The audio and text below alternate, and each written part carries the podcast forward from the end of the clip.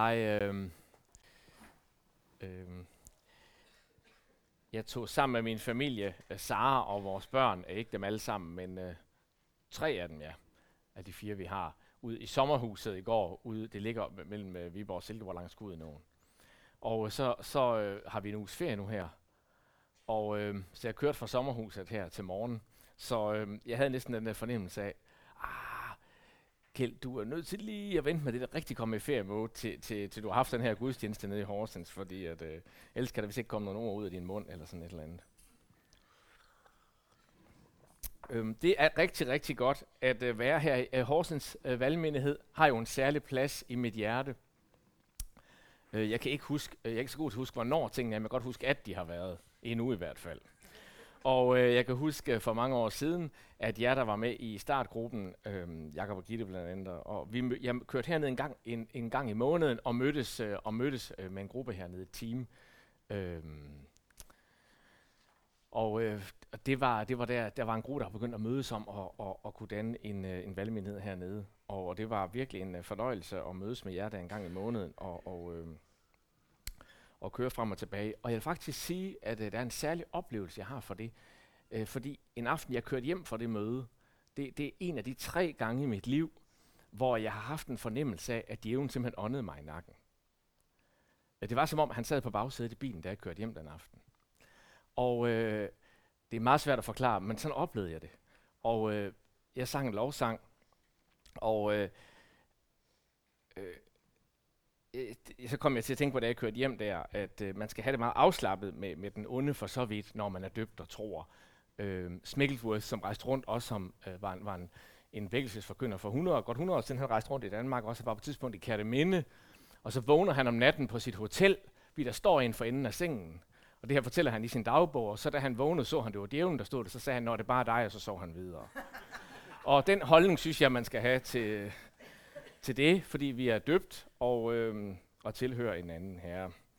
Øh, men jeg deler alligevel den her historie om den der oplevelse af, at, at fordi at, at øh, da jeg kørte hjem og havde den oplevelse, så tænkte jeg, der er en, der ikke ønsker, at de skal lykkes som menighed. Og det er den onde, men, men Gud ønsker virkelig, at de skal lykkes som menighed. Han ville noget med jer her i byen, sammen med de andre menigheder her i byen, men I havde jeres særlige ting.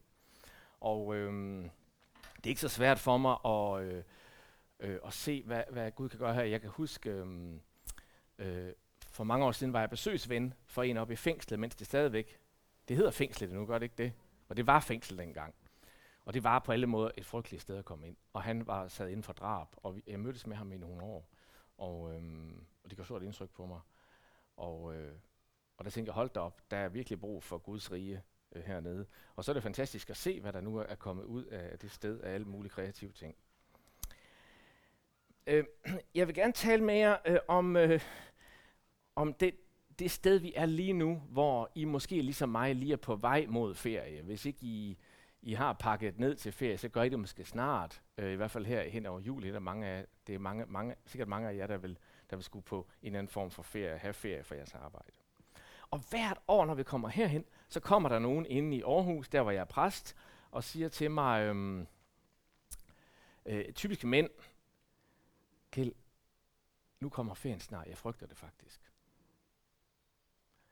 Øh, for øh, når ferien kommer, så de almindelige rutiner, vi sådan kører i familien, de er væk. Og der er simpelthen så mange forventninger i luften. Og nogle gange så bliver jeg bare sur, når jeg får ferie. Jeg kan ikke forstå, hvorfor jeg er sur. Nu har jeg endelig ferie, og jeg slipper for en eller anden chef, jeg er træt af på arbejde, eller hvad det nu er. Hvorfor kommer det derfra? Der er de her stemninger, og de her store forventninger. Og øh, jeg plejer at sige til de her mænd, der kommer, det kan jeg godt sætte mig ind i. Det kan forklares på mange måder. Det kan forklares ved, at når ens almindelige hverdag kører, adrenalinen kører, og hvis man har meget at se til at have mange, øh, både jobmæssigt og familiemæssigt, så er så det at lige pludselig ikke skulle alle de ting, det giver faktisk et, øh, det kan opleves som et vakuum. Ja, man kan næsten sådan øh, blive helt deprimeret af det. Og rigtig mange mennesker kender jo til, at hvis de har flere ugers ferie, så går de første dage sådan lige med at svinge over, og så kan man begynde at, at nyde det. Det er også noget at gøre med, at vi er slet ikke vant til at være sammen 24-7. Jeg voksede op på en gård, hvor min mor var hjemme på gården, og min far var der, og, og vi så os ret meget i løbet af dagen. Det er vi mange af os ikke vant til. Det er vi faktisk ikke vant til, at vores familie skal fungere, hvor vi alle sammen er sammen hele tiden. Og, øhm, Og så er der de sociale medier, øh, hvor, hvor vi lægger billeder ud af, hvor fantastisk en ferie vi har øh, på den bedste dag på ferien. Og, og, og måske skaber det også nogle forventninger om, hvordan det skal være. Men vi er skabt til at hvile. Vi er også skabt til at arbejde. Men vi er også skabt til at hvile. Vi skal leve en vekselvirkning mellem hvile og arbejde. Og så ved jeg godt, at I sidder og tænker, at jeg kender nogen, der burde sætte farten lidt op i stedet for. Det er simpelthen ikke dem, jeg snakker til i dag. Så det er en anden udfordring. Det er en anden prædiken. I dag snakker jeg til det i os, der har behov for at sænke farten.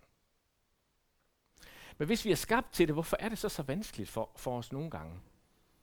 Hvis det egentlig passer sig sådan, som vi er skabt, hvorfor er det så vanskeligt at hvile? Og hvorfor er der så et bud, der hedder, du skal holde hviledagen hele, du skal holde sabbat. Du skal simpelthen lade arbejde ligge. For i den jødiske tradition var det jo 24 timer. Du skal lade arbejdet ligge fra fredag aften kl. 6 til lørdag aften kl. 6. Hvis nu vi er skabt til, hvorfor er der så et bud? Hvorfor er der ikke et bud, der hedder, du skal spise? Det kan vi synes, at godt finde ud af. Jeg kan i hvert fald, uden der burde være et bud om det. Jeg ved ikke, om det er sådan i Horsens også. Det går, for det mennesker går det godt med at spise. De behøver ikke sådan tænke så meget på det. Måske skulle man tænke lidt mere på det nogle gange, hvor meget man spiser. Men, øh, men sådan er det ikke med at hvile. Vi har faktisk brug for budet, der siger, at du skal hvile. Det kommer ikke bare af sig selv, for du har behov for det. Øh, Gud skabte jo verden øh, og hvilede på den syvende dag, lyder for første fortælling i Bibelen. Og mennesket blev skabt på sjette dagen, og så var den første dag en hviledag. Og det er det, loven refererer tilbage til, når den siger, hold hviledagen hellig, hold sabbat. Og det begyndte altså fredag aften kl. 18 i tradition og sluttede lørdag kl. 18. Og på Jesu tid var der en bevægelse, som hed farisæerne. Og det var en fromhedsbevægelse. De ville simpelthen gerne have, at Israel virkelig skulle leve fromt og leve i forhold til loven. Ofte opfatter vi farisæerne som dem, der strammede reglerne, der gjorde det sværere. Men det var egentlig ikke intentionen. Tværtimod, ideen med fejserismen var at gøre det muligt at holde loven. Og det gjorde man simpelthen muligt ved at sige, at det der bud i loven, for eksempel, du skal holde vildt hellig, der er 39 ting, du ikke må. Og hvis du lader være med dem, så har du overholdt loven. Det var altså meningen at gøre det muligt at overholde loven. Og øh, i dag skal vi høre en beretning fra Nytestamentet, hvor, øh, hvor Jesus han... Øh,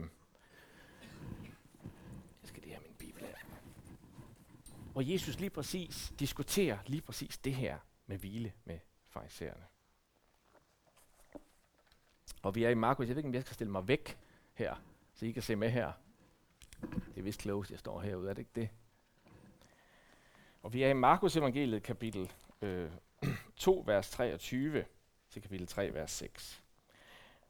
På en sabbat kom Jesus forbi nogle kornmarker. Undervejs begyndte hans disciple at plukke aks. Farisæerne sagde der til ham, se der, hvorfor gør de noget, som ikke er tilladt på en sabbat? Så sagde han til dem, har I aldrig læst, hvad David gjorde, da han og hans mænd manglede mad og blev sultne?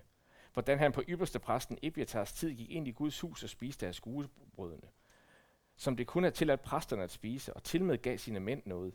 Jesus sagde til dem, sabbaten blev til for menneskets skyld, og ikke mennesket for sabbatens skyld. Derfor er menneskesønnen herre også over sabbaten. Jesus gik der ind i synagogen. Der var der en mand med en vissen hånd, og de holdt øje med, om Jesus ville helbrede ham på sabbaten. Så de kunne anklage ham. Og han sagde til manden med den visne hånd, rejs dig og kom ind i midten. Så sagde han til dem, er det tilladt at gøre godt eller gøre noget ondt på en sabbat? At frelse liv eller slå ihjel? Men de tav. Han så rundt på dem med vrede og bedrøvet over deres forhærdede hjerte, sagde han til manden, ræk hånden frem. Han rakte den frem, og hans hånd blev rask igen. Der gik farisæerne straks ud, og sammen med herodianerne traf de beslutning om at få ham slået ihjel.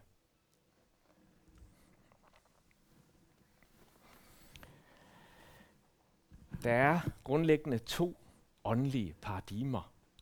To måder, vi kan opfatte den åndelige virkelighed på. Det ene, det er frihed, og det går sådan her, jeg er accepteret. Jeg er elsket, og derfor gør jeg. Eller fortjeneste, jeg gør det rette for at blive accepteret. I sidste ende vil vi som mennesker enten leve ud af det ene eller af det andet. Og de gode nyheder, evangeliet er, at der er ubetinget kærlighed. Og det er noget helt andet end gode råd. Gode råd lyder, Vær god, og du bliver værd at elske. Og man kan bruge gode råd til mange ting, men det er ikke gode nyheder. Gode nyheder er noget andet. Det er, at du er allerede elsket. Og det er det, der er på spil her, når vi taler om det her med hvile. Der er dybere lag på spil, der bliver tydeligt i den her beretning. Os mennesker øh, tror ofte om Gud, at han er en, der kræver noget særligt. Men faktisk er det os, der kræver noget særligt. Vi er i en situation som mennesker, på grund af vores skygge og vores synd, hvor vi har brug for tilgivelse og brug for noget særligt. Men vi vender det om i hovedet, så det er Gud, der kræver noget særligt af os. Og religion er egentlig et forsøg på at gøre det muligt, det der er særlige. Lige meget hvad for en form for religiøs verden man tager. Nationalistisk i Danmark kender vi det med, at nogen siger, jamen jeg øh, betaler min skat. Jeg er dansker. Så har jeg gjort min pligt. Så er jeg et godt menneske. Altså man kan læne sig op af sin nationale identitet, og den kan egentlig blive til religion for en. Det kan også blive sådan spiritualistisk i stedet for nationalt, at man tænker, der er en særlig metode og bestemte teknikker. Men det er samme system, det kommer ud af. Og Jesus konfronterer det hos farisæerne, når han møder det. Som det det er, at det er selvretfærdighed. Det er et form for fortjeneste evangelium, lige meget hvordan det viser sig i vores liv.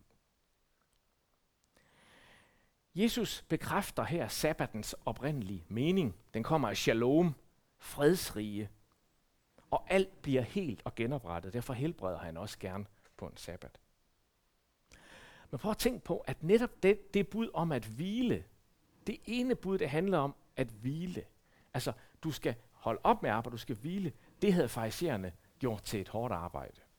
I kan godt se, hvis man kan tage et bud om at hvile og gøre til hårdt arbejde, så kan man næsten få alting til at gå i stykker. Ikke? Og det er en del af at være menneske. Og øh, ordret siger Jesus så i konfrontationen med dem, jeg er herre over sabbat, eller man kan egentlig oversætte det, jeg er sabbatens herre. Eller man kan der oversætte det, jeg er sabbaten. Hvorfor siger Jesus det? Hvorfor siger han, at han er sabbaten? Det er fordi Jesus godt ved, at nedenunder det der system med, hvornår man skulle holde fri, og hvad man må gøre på en sabbat, lå der igen de her to paradigmer. Enten skal vi frelse os selv, enten er det overladt til os selv at frelse os selv, eller også er der en anden, der frelser. Og derfor siger Jesus, jeg er sabbaten. Jeg er med andre ord den, der frelser jer fra og skulle frelse jer selv. Jeg er den, der giver jer hvile fra at skulle præstere, hvem I er. Det er det, der er hans budskab. I Aarhus Valgmenighed havde vi en debat mellem, mellem en buddhist og en muslim og en kristen her for nylig. Sådan en offentlig debat. Der var masser af folk i kirken til det. Og øh, sidst på aftenen, så er der en ung kvindelig muslim nede i salen, der rækker hånden op og siger, spørger ham, den kristne debattør, der skulle repræsentere den kristne tro i debatten. Siger du virkelig, siger du virkelig, at jeg ikke skal frelse mig selv? Fordi jeg er muslim, og jeg ved godt som muslim, at i sidste ende handler det om, hvad jeg gør, eller hvad jeg ikke fik gjort. Siger du virkelig, at sådan er Gud ikke? Og jeg tror, han blev så overrumplet, ham i debatten over det spørgsmål. Der var kristen, han bare sagde, ja, det er faktisk det, jeg siger. Og dermed blev det helt tydeligt den debat. Forskellen på relation og religion. Forskellen på, om jeg får at vide, hvem jeg er, om der er en anden, der frelser mig, eller jeg skal frelse mig selv. Og det hænger sammen med det, jeg taler om med ferie og hvile og arbejde. Et eller andet sted hænger det sammen.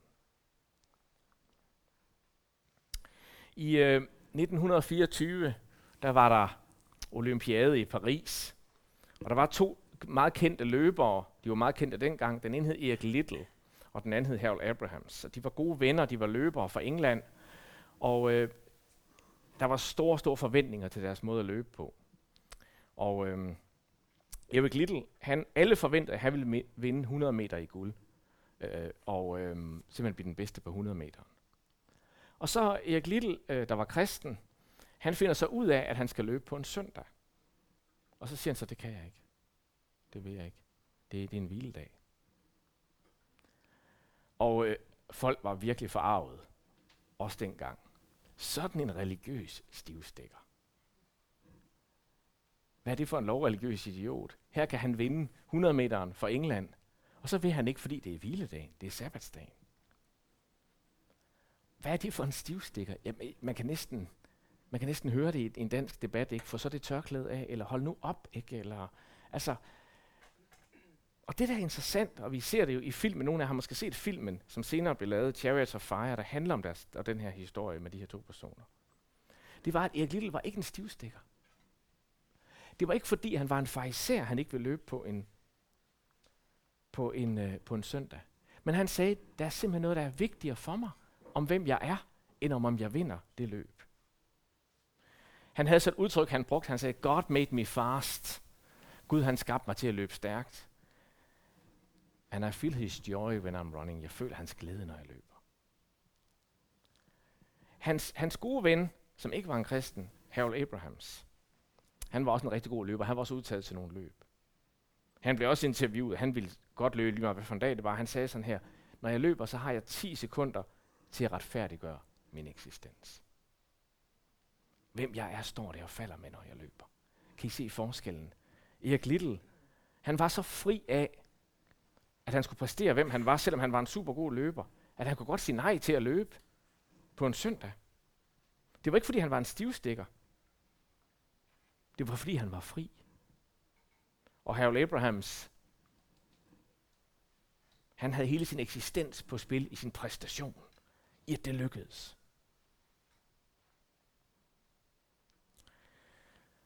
Den konfrontation, vi møder i dag mellem Jesus og farisæerne, den er altså i virkeligheden et opgør med religion eller tro uden relation over for tro, som først og fremmest en relation til Jesus.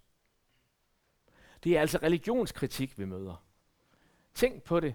Man burde skrive til ateistisk selskab. Den bedste religionskritik finder I Nytestamentet. Den er massiv. For det er Jesus der bringer, selv, der bringer religionskritik. Han kritiserer nemlig farisæernes måde at forstå loven på. Religion uden relation, altså det at have en tro uden relation, uden et sted, jeg hviler, uden et sted, jeg får noget givet, uden jeg lever af det, jeg får skænket, det nedbryder alting. I den forstand har ateisterne ret.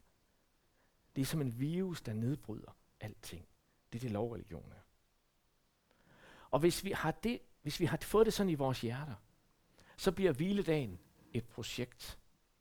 Så bliver ferien et projekt, der skal lykkes. Nu skal det være den der særlige stemning.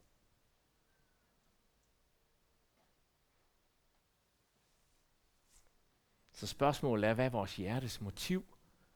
Hvad sker der i vores hjerte, når vi nu går ind i sommerferien her? I muligheden for hvile. Vi er altså skabt til at veksle mellem hverdag, arbejde, hvile og særlige tider. Allerede skabelsesberetningen taler om, at der er nogle særlige tider.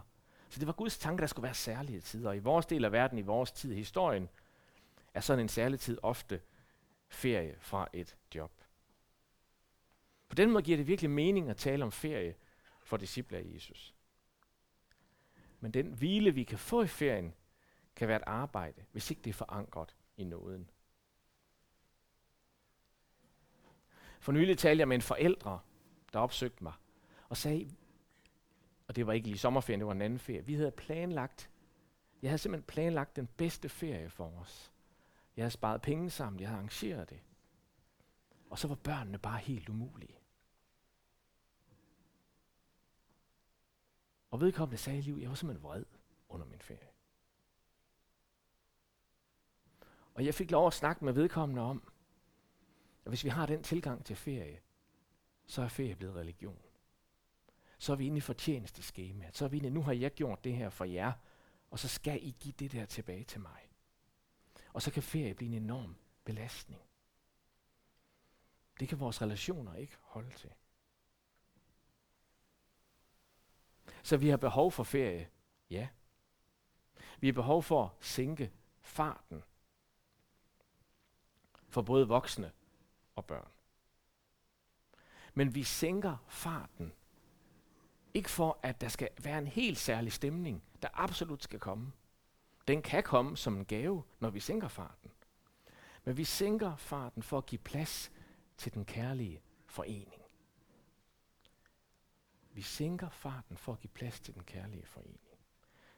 Et mødested mellem os som forældre, hvis det er det, vi er. Hvem vi nu holder ferie med.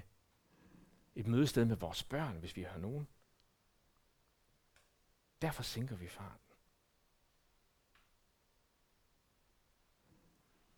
Så tænk lige over det. De her uger, der kommer nu, har du mulighed for at sænke farten. Hvad for nogle valg skal du og I tage, hvis vi bare skal sænke farten?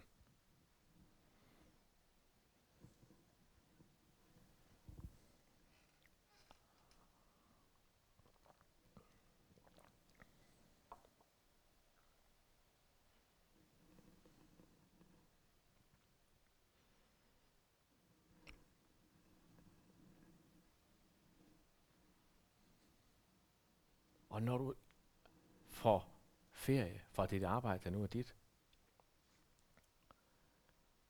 så skal det måske være din første bøn. Gud, giv mit hjerte at sænke farten. Gud, giv mit hjerte at sænke farten. Og giv mit hjerte at sænke farten, ikke for, så skal jeg have en bestemt respons fra min familie og venner. Men bare for at give plads til, at kærlig opmærksomhed kan opstå.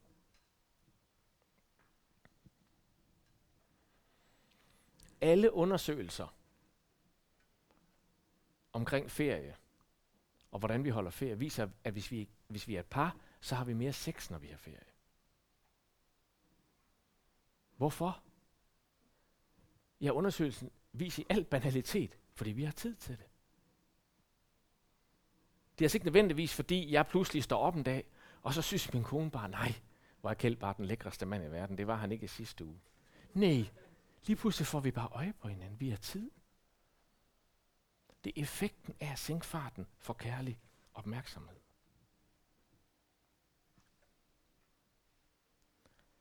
Og jeg tror, at helt det samme gælder i vores åndelige liv.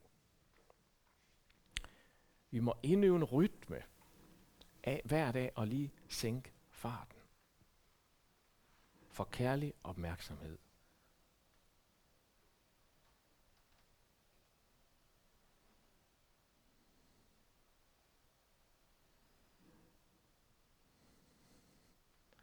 Jeg prøver selv at begynde min, alle min hverdag på den måde, at jeg begynder helt uden fart på.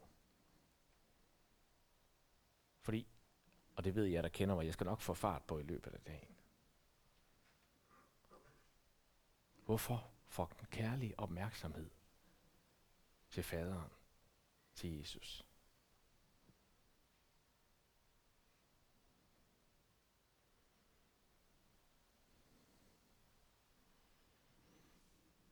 Måske kan vi så endda tage noget med fra ferien. Tilbage i hverdagen med arbejde. En, en genopdagelse af hvilen af den kærlige opmærksomhed.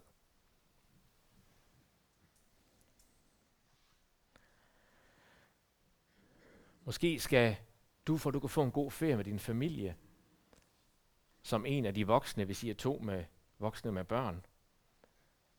Lige have en halv dag for dig selv. Måske skal du gå en vandretur. Hvor du bare siger til Gud, Gud, nu, nu er der ferie. Lad mig vandre ind i kærlig opmærksomhed til dig, far i himlen.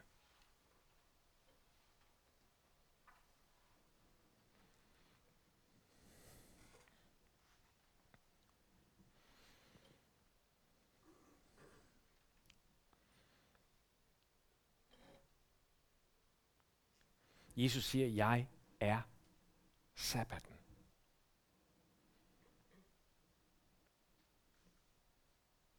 Du kan ikke frelse dig selv. Du kan ikke præstere dig til at blive den perfekte udgave af dig selv. Du kan ikke opfylde lovens krav. Du kan heller ikke opfylde alle dine egne krav til dig selv Måske. Jeg er sabbaten, siger Jesus.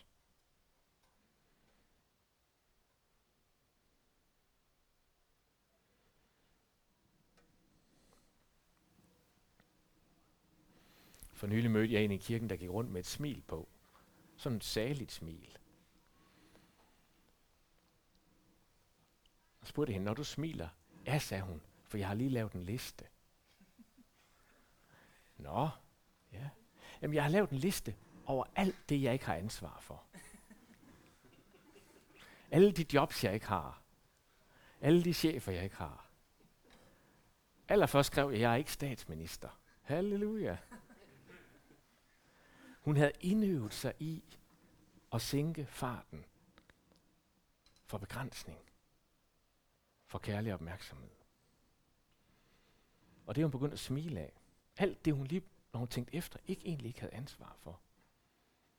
Hverken Gud eller mennesker havde egentlig givet det som hendes opgave i livet.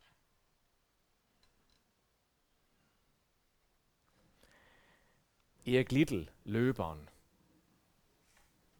der ikke vandt 100 meteren, for han ville ikke løbe den dag, den var. Han vandt så en anden dag noget andet.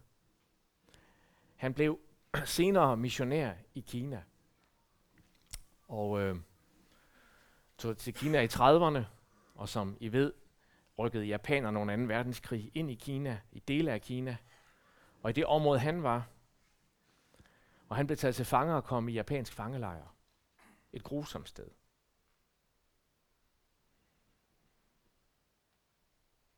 Men alle dem, der mødte ham, fortæller om det indtryk, det gjorde at møde den form for hvile, han repræsenterede, også i en fangelejr. Han fik en øh, krafttumor i hjernen, og det kunne man ikke identificere derude, og, øhm, og, og, og døde egentlig øh, i stor smerte til sidst. Men hans venner i lejren fortæller, at hans sidste ord, da han dør, var et complete surrender. Det er total overgivelse. Og man ved ikke den dag i dag, om han da tænkte, det er sådan krigen vil ende. Total overgivelse fra japanerne og fra nazisterne. Eller om han prøvede at sætte ord på den måde, han levede på. Han er simpelthen overgivet sin identitetsarbejde til Gud. Han havde lært, at vi lever af det, vi får skænket.